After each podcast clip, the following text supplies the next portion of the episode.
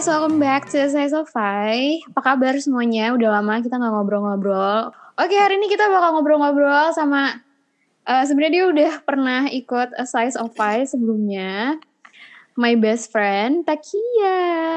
Welcome back Tak to my podcast. Hi, thank you. Oke, jadi sebelumnya kan kita ngomongin tentang usaha dia yaitu main kain dan gimana caranya dia bisa ngembangin bisnis uh, fashion dia. Tapi sekarang kita bakal ngobrolin kenapa dia bisa kuliah fashion dan kenapa dia bisa kuliah di luar negeri. Dan sebenarnya experience dia selama di New York itu kayak gimana dan belajarnya kayak gimana, apakah ada praktek dan lain-lainnya. Pokoknya ngomongin semuanya tentang studying abroad atau belajar di luar negeri. Kotanya itu di New York, which is di United States of America. Jadi pertama kali, lo kenapa tiba-tiba punya cita-cita itu deh?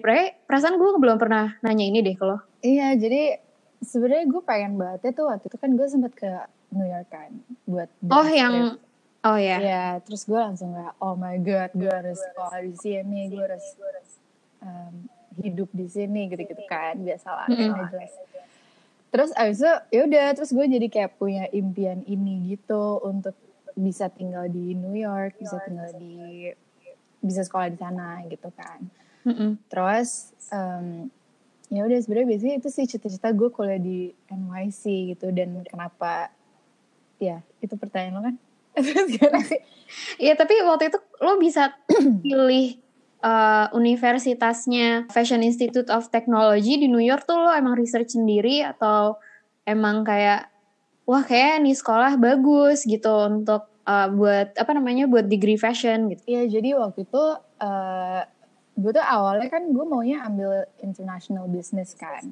Terus gue dari dulu juga emang pengennya sekolah di luar negeri gitu. Tapi terus gue find out ada major namanya um, business tapi specifically di fashion gitu. Jadi kayak itu gue kayak wah gue banget nih gitu kan.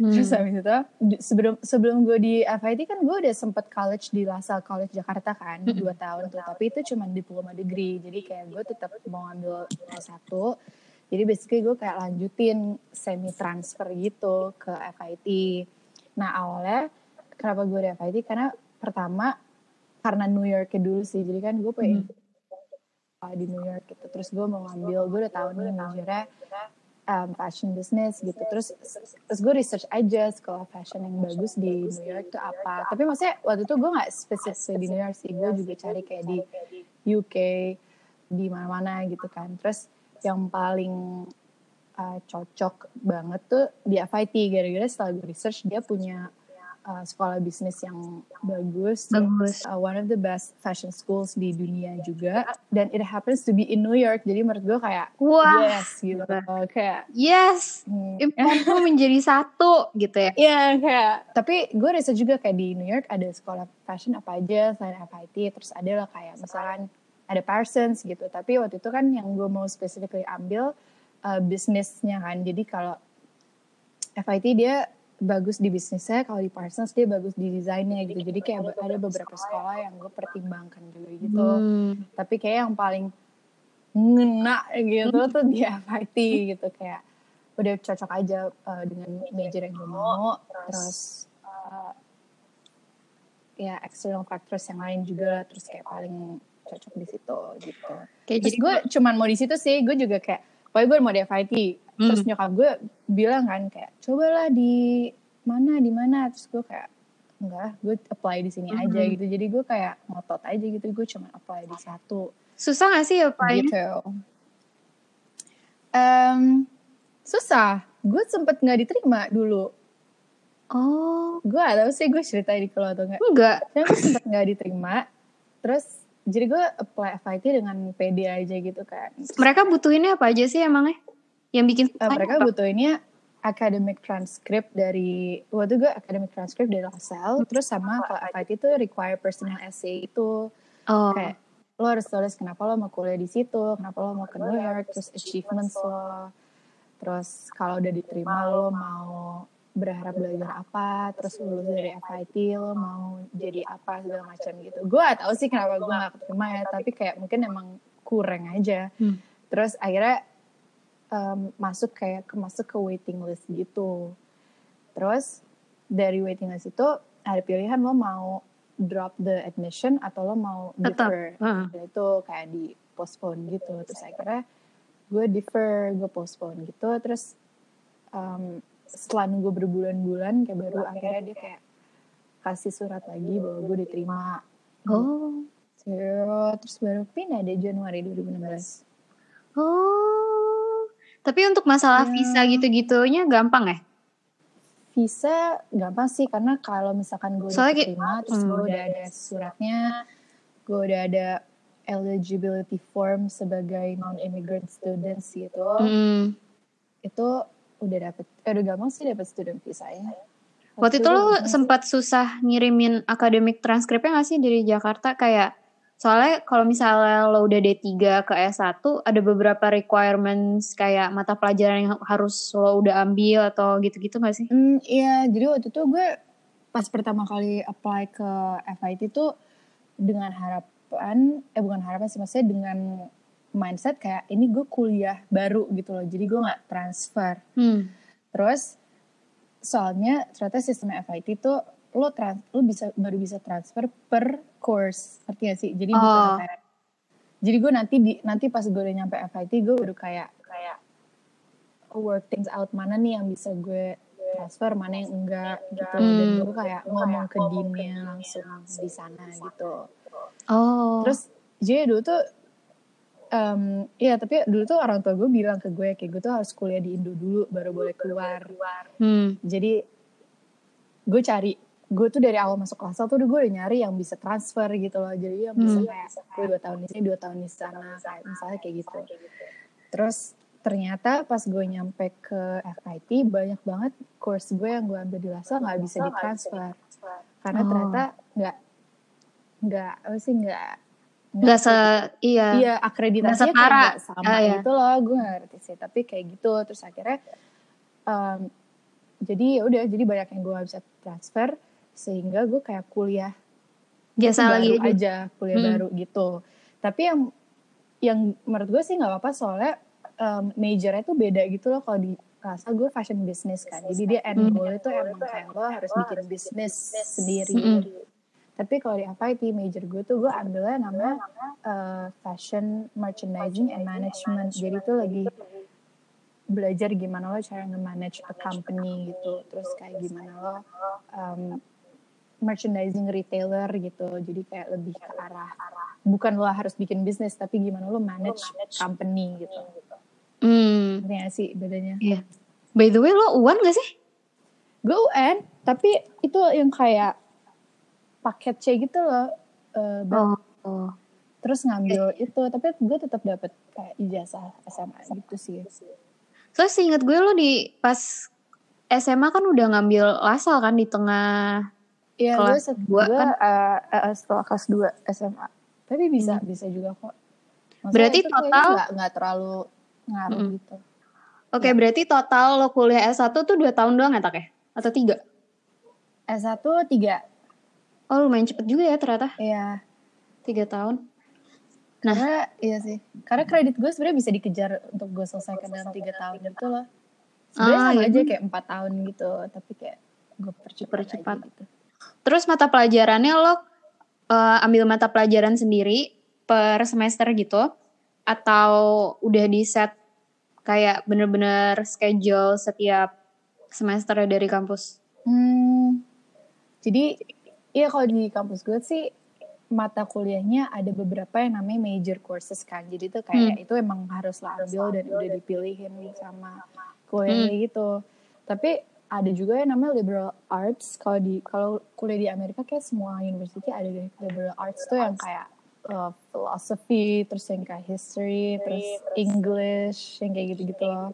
Mm-mm. Yang harus lo ambil juga sama electives in related areas. Jadi tuh kayak um, courses yang related ke major lo, tapi lo boleh milih sendiri dan kayak lo bebas aja mau milih apa aja gitu. Kayak waktu gue ngambilnya Mhm. kayak arts in New York gitu, terus ada costume in film, terus um, business of fashion styling yang kayak nggak ya nggak major ya nggak harus tapi lo boleh milih dan kayak boleh milih yang Jadi minornya lah ya? itu. Uh, jadi kayak bukan minor sih lebih ke um, courses yang bebas aja lo milih gitu electives Oh. gitu. Cuman tapi lo harus tetap ambil buat complete the credits gitu. Oh. gitu. Sebenarnya harusnya kuliah gue 4 tahun sih kayak bia- kayak pada umumnya. Cuman itu gue bisa diselesaikan dalam waktu tiga tahun gitu. Jadi kayak gue lumayan ngepack di, sat- di setiap semester gitu. Berarti lo ngepack ngepack schedule ya setiap iya gue ngepack ya? schedule karena kan gue milih sendiri kan jadi maksudnya lo bisa atur atur schedule sendiri gitu terus ya Jadi dalam seminggu lo full? seminggu gue ya 6 course itu full gak sih Gak tau deh. gue 6 kelas gitu setiap semester Setiap hari masuk gak? 6 sampai 7 kelas gitu. Setiap Oh. hari um, enggak jadi gue kan bisa milih kelas dan bisa kayak bikin schedule sendiri gitu loh. Jadi gue selalu ada yang gue kosongin gitu. Karena Mhm. gue mikir kayak kalau gue bisa selesai early ngapain lama-lama lagi loh gitu loh sekolahnya dan bisa hemat waktu dan hemat duit orang tua gue yang Hmm. waktu biayain gue kuliah dan kayak living cost kayak gitu kan dan ternyata bisa gitu Nice. Oke, soalnya tuh gue kan kuliahnya agak beda. Gue bukan di bukan di dalam negeri, tapi bukan di luar negeri yang kayak Eropa atau US, tapi gue masih di Asia Tenggara kan. Terus gue selesai tiga setengah tahun udah pakai internship, dan itu kelas gue bener-bener packed setiap hari. Ada kelas Hmm. dan udah dibikinin schedule. Oh, Gue nggak bikin schedule. Oh, kita nggak bisa milih jadi emang udah eh, kreditnya udah fix jadi kalau misalnya lo ikutin semua mata pelajarannya dengan eh, timetable setiap harinya lo bakal full kreditnya Hmm, hmm, hmm. jadi makanya gue waktu itu nggak ngitung kredit lagi gara-gara emang kalau kita udah ikutin schedule setiap hari kredit Jadi lo bakal keisi gitu ya. iya jadi tinggal diikutin aja kayak sekolah gitu Hmm. Makanya gue agak gagap gitu kalau misalnya ngomongin kredit terus bikin schedule sendiri, ngambil kelas gitu-gitu. Makanya in- lumayan interesting sih. Baru kayak Iya, kalau gue harus gitu sih gue ngambil gue em, milih sendiri, eh maksudnya bikin schedule sendiri, milih sendiri, register sendiri, terus milih dosennya juga sendiri. Jadi kayak lo bisa pilih dosen juga ya? Iya gue bisa pilih dosen dan kayak di Amerika tuh ada namanya rate my professors jadi kayak sebelum gue sebelum gue register kelas gue lihat dulu ini profesornya siapa terus kayak di rate my professor tuh dia di semua profesornya ada ratingnya gitu dari students Oh jadi kayak gue nggak mau ngambil yang ratingnya jelek gitu karena kayak ngaruh banget pas di semester Iya sih. Ih bagus Oh, banget kalau bisa kayak gitu. Gue gak bisa milih Iya. profesor gue. Iya gue bisa milih itu ya enak sih kayak gitu. Tapi dalam satu semester lo dibatasin maksimal lo ngambil 8 kelas.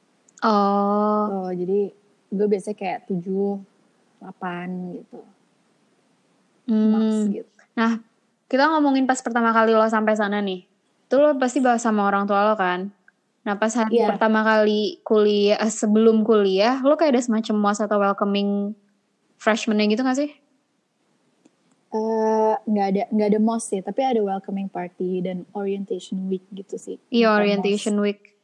Jadi basically cuman ya dalam seminggu itu lo bisa um, explore kampusnya gitu. Cuman gue nggak explore kampus gue sih. Waktu itu gue cuma ikut yang orient apa welcoming party. Jadi itu basically cuman seharian ngumpul di kampus, ngumpul di gym kayak di film-film gitu lo tau gak sih? Iya, iya, iya, iya.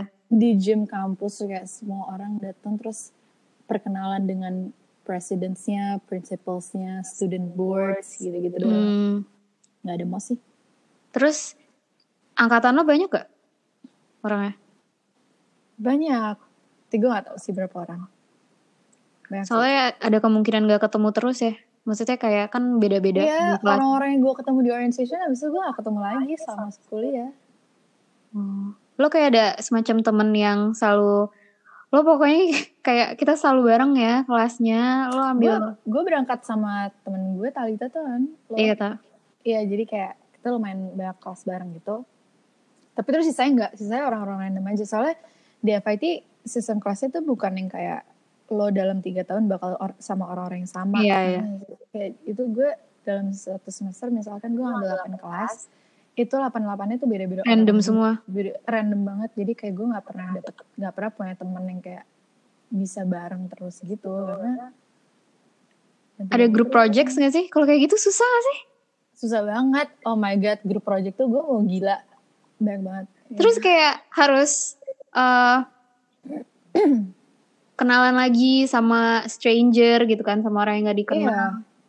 Bagi kalau grup project tuh harus kayak bikin grup chat di iMessage dengan orang yang berbeda-beda. Terus kayak misalnya dalam satu semester gue ada 8 course, kayak misalnya 6 course nya gue ada grup project, gue harus sama bonding sama orang-orang beda-beda lagi.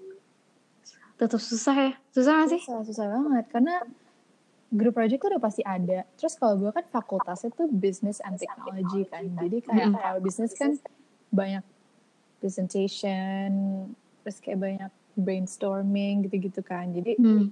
banyak banget grup projects dan kampusnya kampus sebenarnya FIT a very diverse campus kan. Jadi kayak bener-bener orang dari seluruh dunia tuh ngumpul di situ. Ya lo grup project lo bener-bener kerja sama orang-orang yang berbeda aja kayak susah sih. Tapi ya Challenge-nya apa sih? challenging I guess. Apa? Challengingnya kayak komunikasinya, Uh, challenge salah satunya komunikasinya kayak kita bagi-bagi tugasnya susah juga gak sih? iya soalnya per orang kan kayak di luar kampus punya kesibukan masing-masing kan Iya. beda dengan kalau misalkan gue ke New York emang buat belajar doang gitu jadi gue nggak ada kesibukan lain selain kuliah Hmm. tapi kalau misalnya orang-orang yang misalkan emang orang dari New York ya atau orang yang orang Amerika yang bisa kerja di sana mereka tuh ada kesibukan lain kayak misalkan mereka punya day job Hmm. mereka part time di mana ya itu yang bikin mereka lebih sibuk daripada kita yang nggak bisa bikin um, nggak bisa make time for doing the project tapi ya gue gue nggak mau gimana ya kayak gue nggak mau stereotyping orang-orangnya cuma saya adalah orang-orang yang pasti lebih sibuk daripada kita dan yang lebih susah dikontak dan pada akhirnya nggak ngerjain sama sekali yang kayak gitu gitu loh Iya sih. dan pada akhirnya kayak banyak banget alasannya terus ngerjain super last minute sehingga kayak yalah kita aja yang lebih ada waktu yang ngerjain gitu Iya. terus kayak adalah drama-drama itu juga banyak Biasa lah ya. biasanya Kuliah. kayaknya di semua kuliah gitu deh Iya. Kalau di jurusan lo banyak praktek gak sih? enggak Mas praktek? praktek tuh apa sih eh praktek tuh gimana sih Kayak kalau gue masak gitu. Jadi Ah. bukan classroom. Jadi lebih oh kayak enggak enggak enggak nggak ada ya? enggak Gue, karena gue penasaran soalnya kayak gue kira lo eh kayak ada belajar pembelajaran eh pelajaran tentang kayak ngelihat bahan gitu fabriknya nah, di kelas. Ada. Jadi kalau kelas kalau gue kan majornya um, bisnis, maksudnya fakultasnya tuh bisnis kan. Jadi kita nggak ada desain. Jadi kalau di FIT itu ada dua gitu, fashionnya ada um, business and technology sama ada arts and design. Hmm. Kalau gue kan di fakultas business and technology, jadi kita nggak terlalu ada kayak gambar atau jahit kayak gitu gitu nggak ada. Cuman kalau untuk kayak bahan itu tekstil ada, itu basic um, basic classes tuh pasti ada yang kayak gitu-gitu yang kayak kita harus lihat bahan, analyze bahan kayak gitu-gitu ada. Terus Hmm. juga yang kayak kita dikasih kita diintroduce sama kayak mesin-mesin dan alat-alat Hmm. jahit gitu. Cuman kita nggak praktek nggak ngelakuin gitu loh. Hmm, hmm. Berarti Jadi lebih banyak. jurusan gue sih classes banget sih kayak even Berarti lebih banyak juga, lecture ya?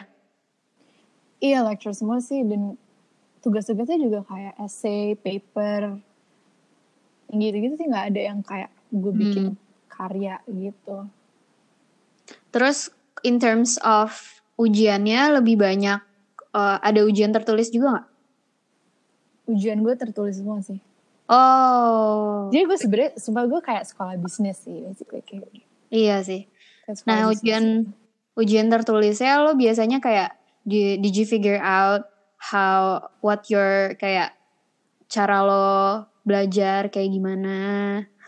Soalnya menurut gue tipe orang beda-beda kan untuk cara belajar ya. Soalnya kalau gue tuh bener-bener harus ngomong dan gue harus ada orang yang gue jelasin supaya gue ngerti mata pelajarannya. Terus ada juga orang yang suka kayak nulis ngekopi lagi catatan mereka Hmm. atau menghafal dan lain-lain. Kalau lo cara lo untuk belajar ujian gimana?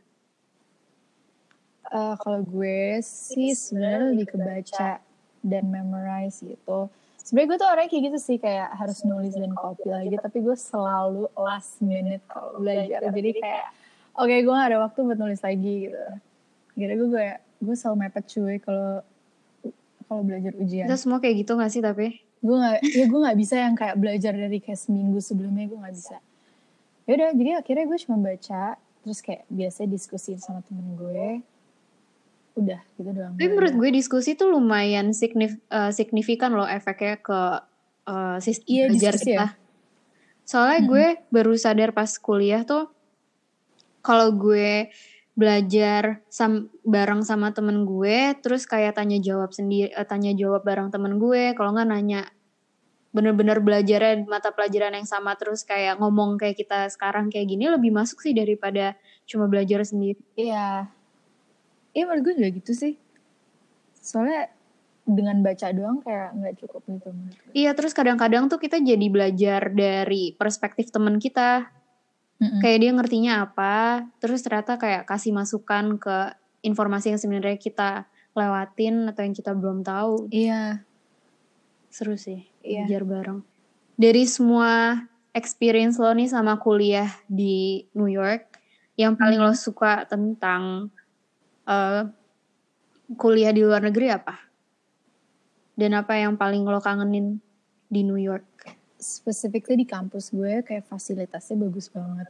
Maksudnya kayak ada waktu gue pernah belajar tentang bahan tentang tekstil terus gue ada kayak bener-bener mereka tuh punya um, mesin yang dari zaman dulu banget yang kayak gitu-gitu loh yang Mm-mm. um, very hands on terus mereka punya archives archives dari zaman dulu terus ya gue belajar um, fashion di bisa dibilang di pusatnya gitu loh di, di Hmm. New York City-nya gitu jadi kalau misalnya gue belajar tentang retailers gue bisa ke tempat-tempatnya langsung gue bisa ke toko-tokonya langsung Hmm. terus kalau misalnya gue di Jakarta kan gue belajarnya kayak dari buku dari internet gitu tapi Iya. kalau di sana gue beneran bisa langsung ke tempatnya gitu Hmm. Terus resource kayak di studi di di FIT itu juga resource-nya gila-gila banget. Jadi maksudnya kayak mereka ada archives dari zaman-zaman dulu. Kayak waktu gue pernah megang majalah Vogue dari tahun 1920-an gitu yang Wow. asli. Yang bener-bener nggak maksudnya cuman di sana gitu. Cuman di cuman kalau lo sekolah di luar menurut gue kayak lo Mm-mm. bisa experience itu semua hands on. Terus eh, gue bisa explore the city dengan adanya museum study libraries Oh iya musimnya bagus sih. terus ya terus habis itu kayak datang ke exhibition exhibition fashion yang kayak nampilin um, baju-baju atau kayak couture items dari zaman dulu yang gue bisa lihat langsung yang sometimes gue bisa touch it Hmm. langsung gitu kayak waktu gue sempet ke exhibition di ada satu museum favorit gue namanya Metropolitan Museum of Arts di New York. Gue gue dari dari dulu kayak tahu baju ini gitu. Namanya ada kayak baju Dior gitu salah satu tren gitu dari 1940 terus gue lihat di situ aslinya kayak itu ya experience aja sih yang kayak Iya. um, iya kayak apa Tidak terlupakan. abroad iya. Ya terus baju baju archive dari era dulu yang gue sebelumnya cuman gitu deh yang kayak gue cuma lihat di history book atau yang gue cuma nonton nonton di film fashion documentaries gitu Lo sekarang ngelihat in the flash bisa, gitu ya. iya gue di sana kayak gue bisa actually see it with my own eyes itu kayak lumayan gila gitu waktu itu. Kalau New York City-nya sih apa ya gue gue kangen the weather gue kangen my apartment di sana. Terus ya museum galleries toko-toko buku. Terus sebenarnya ini sih experience the ability for you to like just enjoy the city jalan kaki Hmm. terus easy public transportations, public facilities kayak tidur-tiduran di park gitu-gitu yang yang nggak ada di sini gitu kan. Hmm. terus um, my friends terus kayak coffee shop favorit gue gue sayang banget namanya Bean and Bean Coffee di Chelsea terus kayak nonton teater and Broadway itu juga kangen. Terus sama akses untuk beli barang-barang gitu lah yang sama ini nggak ada di Indo. Oh iya sih. Udah sih sama ya dessert places. Ah, dessert places yang gue suka datengin. Mm. so what do you learn from this whole experience like this this three years of studying di NYC kayak lo belajar apa aja? Kayak tentang diri lo sendiri. Uh, maksudnya aside from yeah. academic gitu. Uh -uh.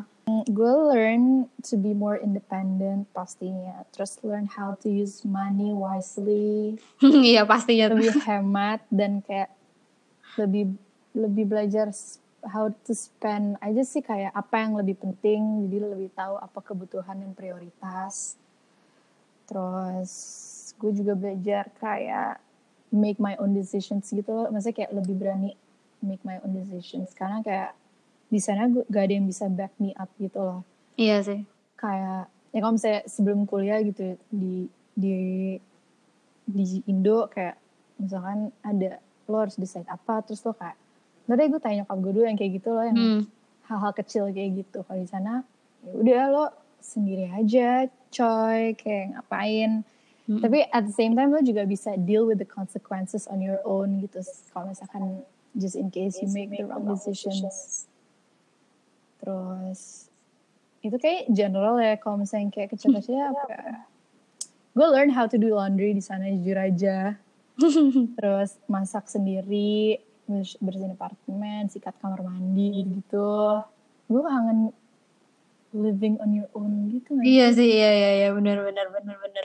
Living on your own. Kalau kayak living with your friends juga gak sih? Iya, tapi jauh dari keluarga. Iya. Dari comfort zone lo gitu. Iya iya benar. Bener-bener kayak jalan-jalan Iya. sendiri, exploring sendiri. Hmm, kacau Jalan-jalan sendiri sih gue suka banget. Kayak ada tips atau kayak saran untuk adik-adik kita yang mungkin mau Hmm, kuliah di New York. Sebelum berangkat, obviously research dulu sekolah dan jurusan yang lo mau dan yang kayak bener-bener pas dan pakai hati juga gitu Ah, milihnya. Ngerti gak sih? Kayak Hmm. vibe gitu. Iya soalnya kalau misalnya lo sebenarnya itu ngaruh banget loh. Kalau misalnya lo pilih jurusan yang asal di Iya. universitas, contoh ya misalnya lo pingin ke kampus ini tapi jurusannya ngasal, ada kemungkinan kayak kalau lo nggak cocok lo bisa nggak nggak nerusin gitu loh, terus sayang. Iya, terus gue gak suka kan di tengah-tengah. Iya.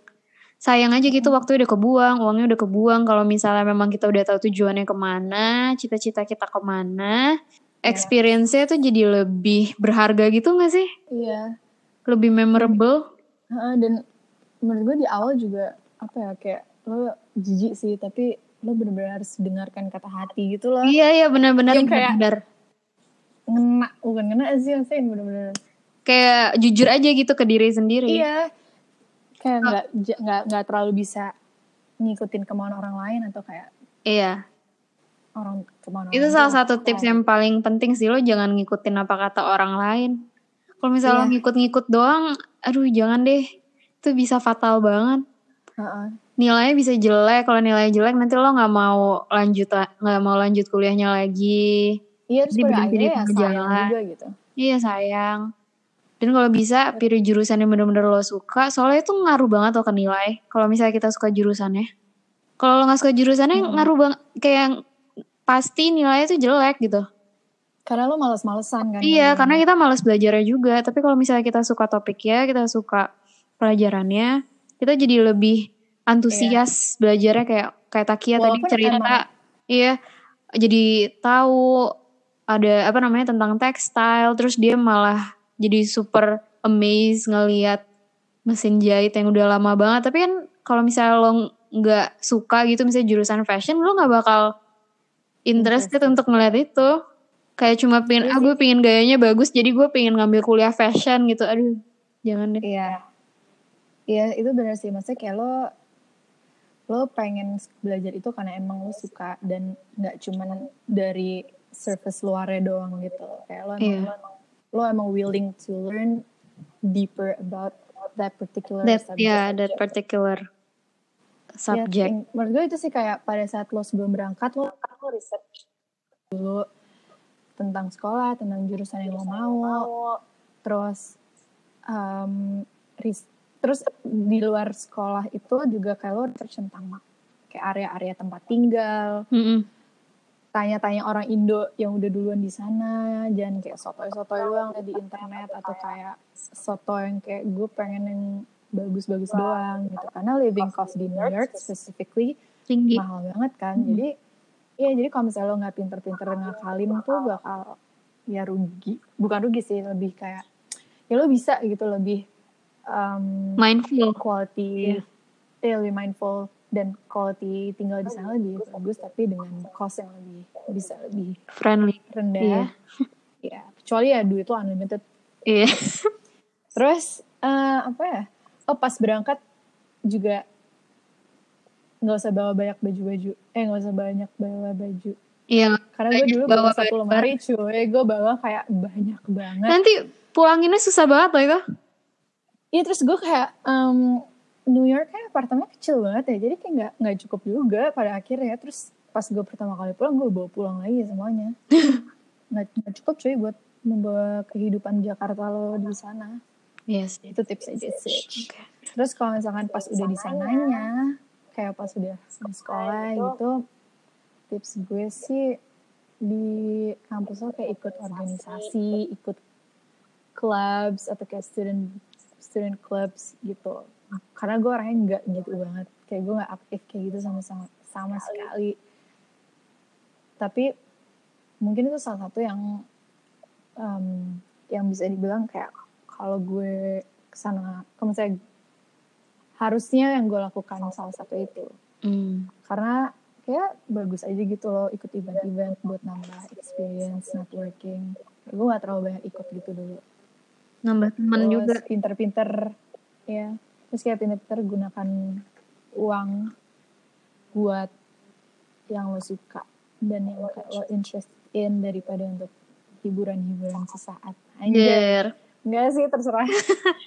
Tapi kayak based on my experience, gue lebih ngerasa worth lebih worth it untuk spend kayak misalkan gue kayak buat mas beli apa tiket masuk eh, museum atau nonton konser atau nonton Broadway daripada Iya. Buang-buang nggak jelas gitu. Terus hmm, explore ini kalau lo ke New York aja eh enggak sih kalau lo ke mana pun Hmm. explore the city, explore New York aja sih as much as you can karena time goes by so fast. Iya. Gue tiga tahun cepet banget. Terus kayak tiba-tiba gue kayak, kok udah setahun aja sih, kok udah dua tahun aja. Jadi, um, karena menurut gue, lo, uh, lo bisa gitu kayak punya mimpi untuk tinggal di mana gitu. Terus lo kayak mimpi-impikan banget. Tapi pada saat lo udah di sana, Hmm. kadang lo nggak kadang lo lupa lo udah di situ gitu loh Hmm.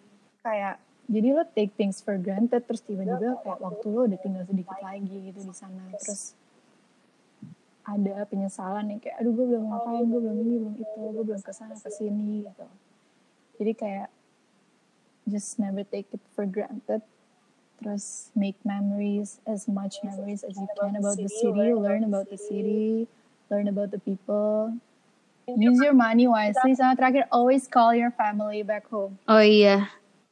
Tuh there's another episode on that sih. Untuk homesickness dan ada oh my god homesickness parah sih itu. Parah sih. Wah. Yaudah itu aja guys Seru sih. untuk episode kali ini tentang studying di NYC, belajar di luar negeri. Okay, talk to you guys next week. Bye bye. bye